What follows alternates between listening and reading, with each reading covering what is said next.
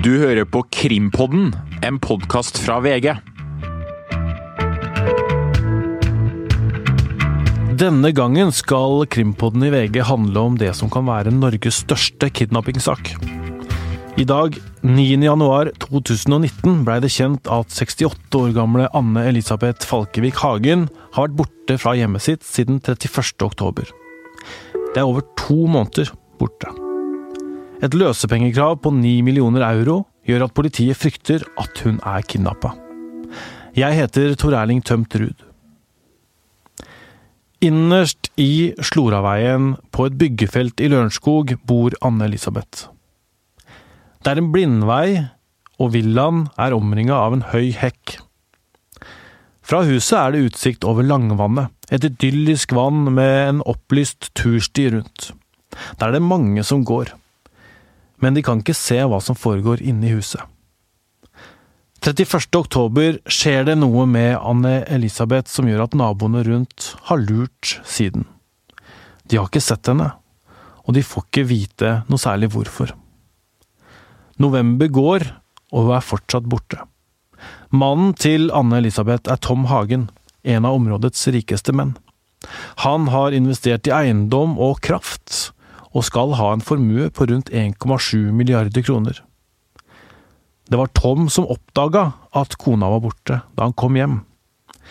I truslene han fikk, var det beskjed om å holde politiet og media unna, ellers så dør kona.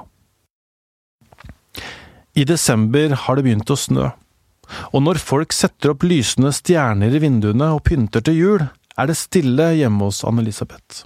Vinduene er dekka til. Ingen ser inn, ingen ser ut. Men politiet har i flere uker drevet en hemmelig etterforskning. De har vært inne i huset og gjort undersøkelser. De har kjørt biler med falske skilt i skjul. I frykt også for at kidnapperne skulle se dem. Når det nærmer seg jul, så kommer adventslysa opp i vinduene i huset i enden av Sloraveien. Men Anne Elisabeth får ikke feira jul med ektemann, barn og barnebarn dette året. Uten livstegn går tiden, og i dag, 9. januar, så politiet seg nødt til å gå ut offentlig og be om hjelp. Jeg var på pressekonferansen i Lillestrøm, der politiinspektør Tommy Brøske fortalte hva slags sak de hadde med å gjøre. Takk. God dag og, og velkommen. Øst politidistrikt har i flere uker etterforsket en sak eh, der en kvinne har vært savnet eh, fra sitt hjem på Fjellhamar ved Lørenskog. Saken etterforskes som frihetsberøvelse etter straffelovens paragraf 255. Det siste sikre livstegn er fra onsdag 31. oktober 2018. Det er fremsatt både krav om løsepenger og alvorlige trusler i saken. Løsepenger i form av kryptovaluta, alvorlige trusler i form av hva som vil skje med den bortførte hvis kravene som er fremsatt, ikke innfris. Og det er jo omtrent det politiet sier om faktum i eh, denne saken. At det er kommet et krav om løsepenger, og at, eh, at de tror at hun har blitt kidnappa. Eh, krimsjef her i VG. Øystein Milli, du er med sammen med meg i dette studio nå. Hva veit vi egentlig om kidnappingen?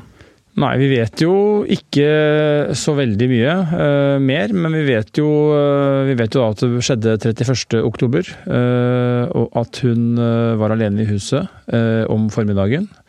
Det skal, så vidt vi vet, ha vært kontakt mellom henne og familiemedlemmer på morgenen. Og så um, har det da plutselig blitt slutt på kontakten, og så har noen kommet hjem til huset, og eh, da var det tomt. Og der eh, lå det eh, en beskjed, skriftlig beskjed, ark, lapp, brev, kall det hva du vil. Hvor det skal ha gitt beskjed om at hun da var tatt til fange. Og et krav om løsepenger. Og disse løsepengene er jo da Kravet er jo framsatt i euro, uh, angivelig. 9 millioner euro i da kryptovaluta. Uh, og så uh, vet vi ikke så mye mer om det som skjedde, annet enn at det var spor etter at hun da hadde blitt tatt ut av huset mot sin vilje, slik politiet ser det. Ja, fordi Brøske fortalte jo litt om dette kravet og kryptovaluta under denne pressekonferansen også. Det har vært en svært begrenset kontakt med motpart. Gjerningspersonen har valgt en digital kommunikasjonsplattform som i svært liten grad muliggjør kommunikasjon. Det har ikke frem til nå vært noe muntlig kontakt. Hva veit vi om den kommunikasjonen, Øystein?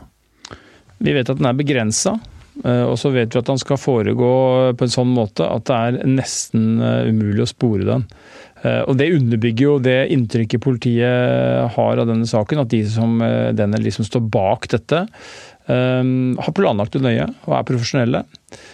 Ikke bare har man klart å hente ut en 68 år gammel kvinne fra sitt eget hjem uten å legge igjen noen til nå, spor som har gjort at politiet har kunnet oppklare dette. her. Eh, man har også klart å finne en form for å kommunisere og fremme sine krav på, som gjør at det er veldig vanskelig å eh, få tak i informasjon om hvem disse personene er, og hvor de befinner seg. Og det er klart, summen her tyder på at dette er eh, veldig profesjonelt utført. For Det blei jo bekrefta at når man kommuniserte, så måtte man betale litt for å kommunisere dette. Hva, hva veit vi rundt det? Vi vet at du må det, og at det ikke er snakk om noen store summer, men at det er en jeg kan ikke i detalj dette det teknisk da, men jeg forstår det sånn som at for å kunne sende en melding, så må du, må du, sende, må du også betale eller ja, belastes med en sum, uten at det behøver være veldig mye. Så, så det er jo, sånn sett så er det jo da er man da tvunget til å betale noe, men dette er nok en symbolske summer da, i forhold til det gigantiske kravet som er eh, fremmet, som da er jo eh, rundt 90 millioner kroner. Eh, og det er klart det er jo det i seg sjøl gjør saken veldig spesiell. Det er jo mange elementer her. At det er en eldre kvinne som blir hentet ut, at hun er gift med en av Norges 200 rikeste menn, og at det er da et krav om løsepenger på så mye som det og at det fremsettes da på en måte som gjør at man eh, Dersom det hadde blitt betalt, så kan det hende at det har vært vanskelig å faktisk spore hvor pengene hadde gått, og sånn sett finne ut av hvem som har gjort dette her gjennom de kanalene. Så for politiet er det svært krevende, dette her. Eh, og det la vel ikke Brøske eh, skjul på på pressekonferansen heller. For det har jo ikke vi sett før i Norge, den måten å gjøre dette på? Nei, det er en helt unik sak som framstår nå. Eh, vi har jo hatt eh, saker med kidnapping, frihetsberøvelse. Det har jo ofte dreid seg om eh, noen sånne barnebortføringer internt i familier. Det har dreid seg kanskje om noen miljøer, gjengmiljøer, kriminelle miljøer hvor det har vært frihetsberøvelse. Ellers har det jo vært Det har jo ikke vært noen sånne saker hvor man har Eh, gått etter eh, familiemedlemmer i rike familier. Man har eh, jo sett at det kunne komme, men foreløpig har det jo ikke skjedd. Og så er jo spørsmålet da om man står overfor den første saken av sitt slag nå. Det har videre ikke kommet livstegn fra fornærmede.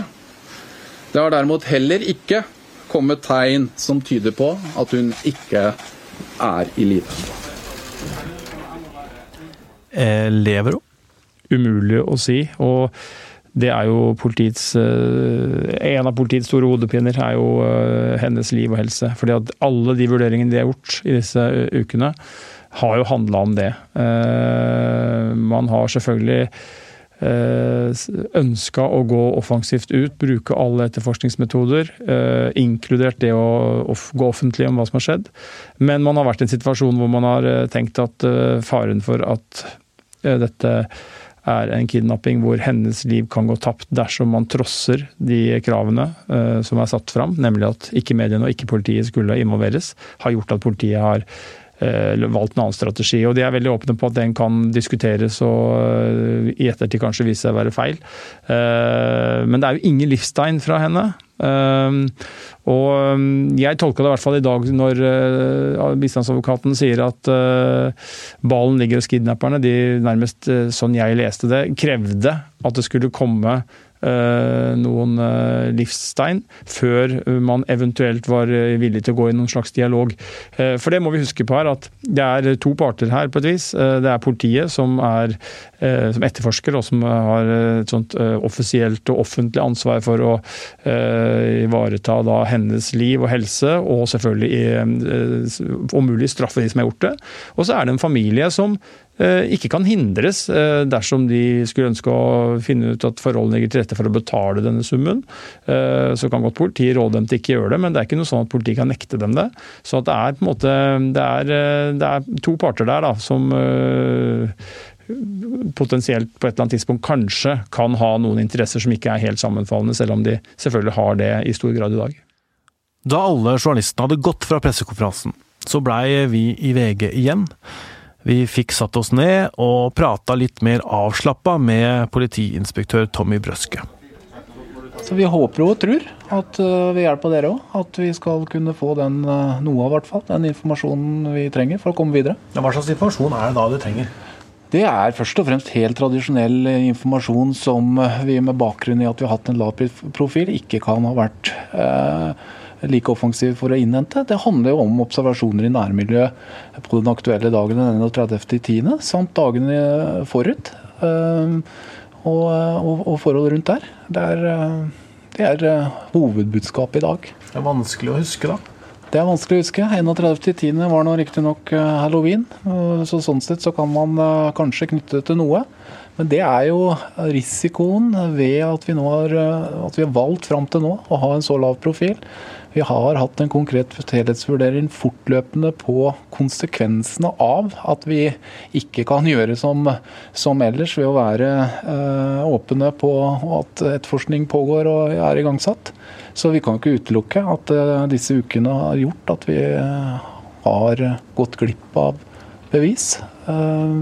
Vi har prøvd å finne balansen, men vi har jo ingen garanti. Men tenk om dette i dag da, gjør at dere nå får beskjed om at hun blir drept? Ja, det er eh, et scenario som eh, vi har vurdert, og som kan være eh, reelt.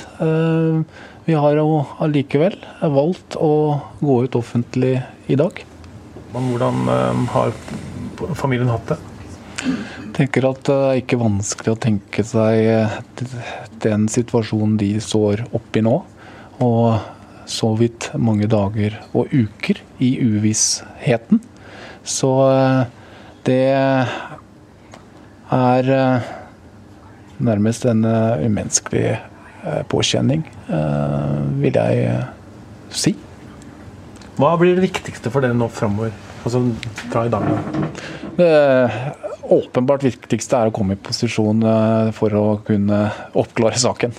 Og få Anne-Elisabeth Hagen gjenforent så fort som mulig i livet med familien sin. Mm. Det var da Brøske fra pressekonferansen, og nå fortsetter jo etterforskningen. og Hva er egentlig scenarioene nå, Øystein? Nå er det jo et, For politiet nå så er det en eh, ny situasjon, og jeg antar at uh, det som har skjedd nå, uh, er en uh, vitamininnsprøytning i etterforskningen. Jeg er helt sikker på at man har jobbet nå lenge og følt at man eh, ikke har kommet vesentlig videre i form av et gjennombrudd. Så jeg er helt sikker på at det som nå skjer, at man kan gå ut offentlig og uh, fortelle om hva som har skjedd uh, og hva som er situasjonen, gjør at man får en ny drive og det kommer forhåpentligvis ny informasjon inn. Nå kan man gå ut i kriminelle miljøer og aktivt spørre om denne saken. Hittil har man bare kunnet lytte passivt og høre om det er noen der ute som snakker om noe som kan trekke retning av at de vet noe om denne saken. Nå kan de gå ut og, med bilde og ha med seg det ut til alle politiinformanter, kilder, folk som vil snakke med politiet under og over bordet der ute. Eh, vanlige vitner. Eh, de har jo avhørt, naturlig nok, en del av de som bor rett i nærheten av huset. Det har man gjort i skjul, eh, så det har man vel kontroll på. Men det er jo også sånn at folk som kan ha sett og hørt ting både i nærheten av huset i forkant, eller i den dagen det skjedde, 31.10, eller andre personer som har sett biler, personer, hørt samtaler, sett mistenkelig trafikk rundt et hus eller en bygning et eller annet sted. Det er mange sånne ting som folk kan ha observert der ute, og som man ikke har hatt noen grunn til å koble til noe kriminelt. og som nå får en ny betydning når man da vet at eh, det har, eh, skal ha skjedd en frihetsberøvelse, en kidnapping av eh, Anne-Elisabeth Hagen da 31.10. Så i sum så er det ganske mange ting politiet nå kan gjøre og håpe på at kan gi dem framgang i jakten på selvfølgelig det aller viktigste, få Anne-Elisabeth Hagen tilbake igjen i god behold, hvis det er mulig. Og så er det nummer to avsløre og straffe den eller de som står bak denne handlingen. Vi følger saken videre her i VG. Vi kommer også med flere episoder av denne krimpodden som skal handle om kidnappingssaken. Magne Antonsen har hjelpa til med sendinga, og jeg heter Tor Erling Tømt Ruud.